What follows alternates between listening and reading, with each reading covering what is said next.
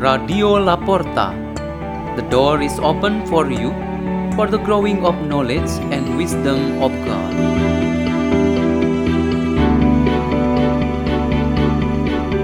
By Margareth Sembiring from St. Francis of Assisi Church, Singapore.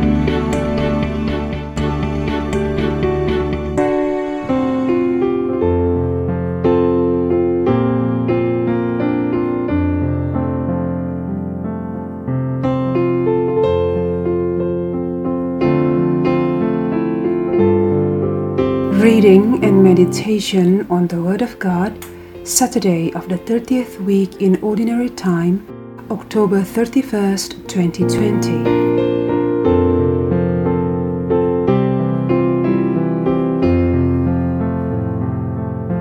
The reading is taken from the Holy Gospel according to Luke. On a Sabbath, Jesus went to dine at the home of one of the leading Pharisees, and the people there were observing him carefully. He told a parable to those who had been invited, noticing how they were choosing the places of honor at the table. When you are invited by someone to a wedding banquet, do not recline at table in the place of honor.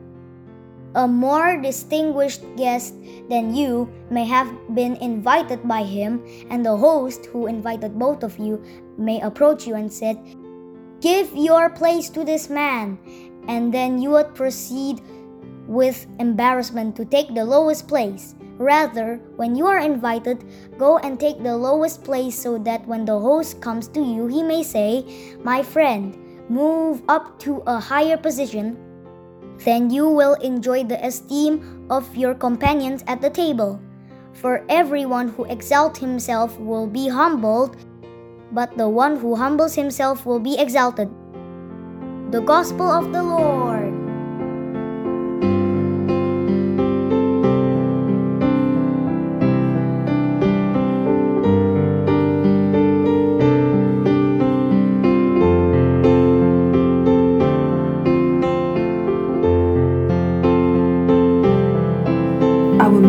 Meditation today has the theme True Humility.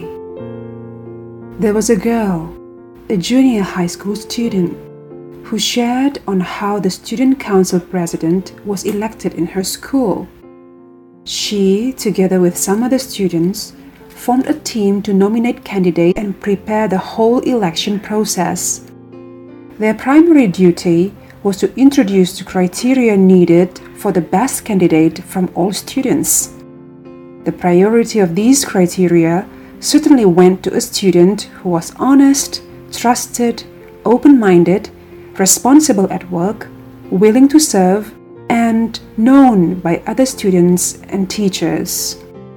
The nomination process was then made step by step until one of her classmates was considered to meet all the given criteria.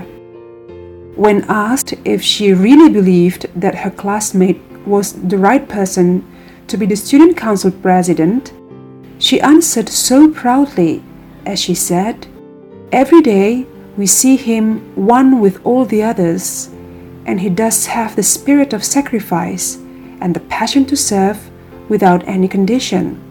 He'd better just continue to a higher level of service, most especially in the student council. The parable of Jesus in the gospel today reveals to us about a humble person as the point of reference for our reflection today. As he was describing of choosing a seat at the back when other people chose the better seats in front of the party hall. This picture is similar to that student who won the seat of student council president. That student was known by all in the school through all his servanthood character. This specific background was good enough to bring him to a higher place, in front, and in a greater responsibility, in this sense, to become a leader. This is the hallmark of true humility. Our Lord Jesus Christ asks us to be humble because he describes himself a person who is meek and humble of heart. Our Blessed Mother Mary also reminds us in her song of Magnificat that highlights the will of God to humiliate those who are proud or arrogant and to drive them away empty handed.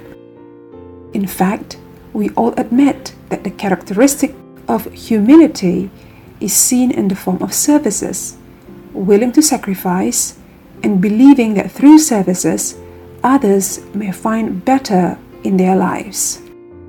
Another characteristic of true humility is honesty and sincerity in admitting that every kind of goodness and success in us is actually because of God's love and generosity for us. However, when we forget and purposely ignore God's role in providing such constant blessings in our lives, we actually increase our treasure of pride. St. Paul emphasizes this point in his letter to the Philippians when he says, To me, to live is Christ, and to die is gain. God is the center of our lives, and He determines every step and circumstance to every one of us. Let us pray. In the name of the Father, and of the Son, and of the Holy Spirit. Amen. Our Almighty Father, we entrust our lives into your hands. Make us useful to our brothers and sisters. Glory be to the Father, and to the Son, and to the Holy Spirit, as it was in the beginning, is now, and ever shall be, world without end. Amen. In the name of the Father, and of the Son, and of the Holy Spirit. Amen. Radio La Porta. The door is open for you.